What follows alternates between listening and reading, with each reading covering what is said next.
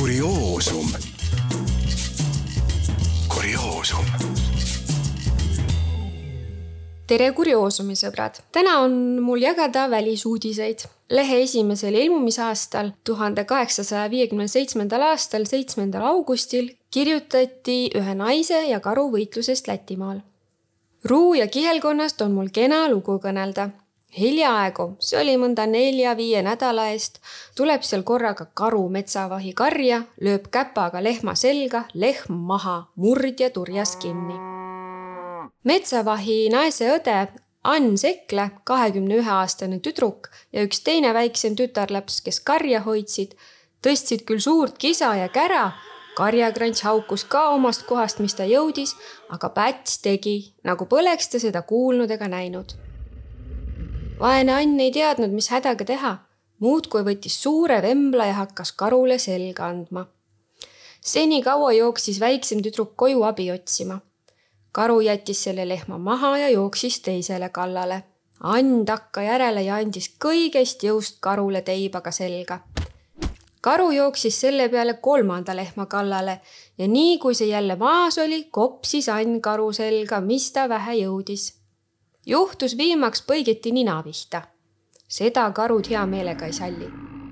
Päts hakkas hirmsasti röökima, tõusis kahe jala peale püsti ja püüdis Anne sülle võtta.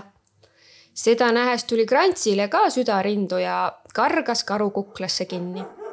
no Päts pidi nüüd tagasi vaatama ja Krantsiga mässudes läks tal jälle aega. seni jõudsid juba inimesed appi ning kuri loom pidi viimaks põgenema mis karu paha oli teinud, see oli tehtud. aga Ann Sekle sarnast tütarlast pole mitte igas peres. mõni mees kahe rauaga püss selgas oleks vast punuma pannud. võib-olla oli Ann ka nendesugust, kellel ülem julgus südames. tuhande kaheksasaja kaheksakümne neljanda aasta neljandal mail oli Pärnu Postimehes välisuudis naisest, kes pidi toime tulema sarvikuga Poolamaal juhtunud järgmine kimbatus vanasarvilisega. olla esaka oli külas kurivaim ise ühe talupoja naise juurde tulnud, kellel meest just seekord kodu ei ole olnud.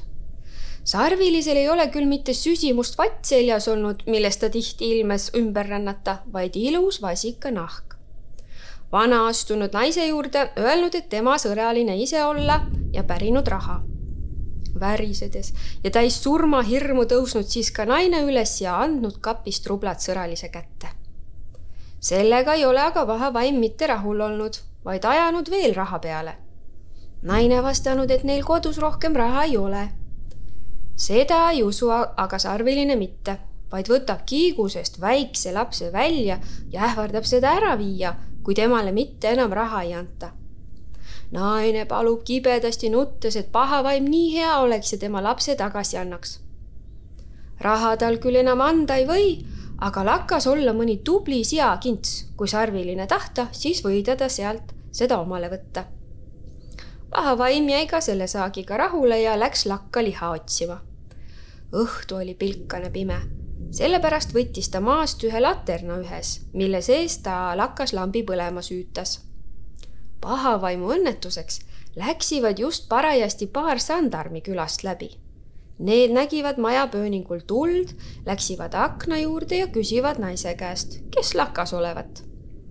vaene naine arvas, et sandarmid vanapagana jüngrid olevat ja palus ennast rahule jätta. sarviline ise olnud vähe aja pärast tema juures ja tuua enesele lakast liha.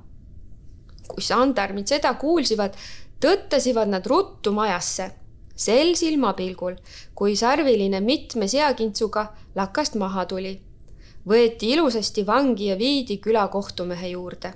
seal köideti teda tublisti kinni. kohtumeest ennast ei olnud kodus ja naine ei teadnud ka öelda, kuhu ta läinud. korraga aga jooksis naine sarvilise juurde ja hüüdis. sel on minu mehe saapad jalas. sarvilisel tõmmati nüüd vasikanahk seljast ära ja vaata seal, küla kohtumees ise seisiski korraga nende ees. vot sellised juhtumised välismaalt, kurioosumini. kurioosum. kurioosum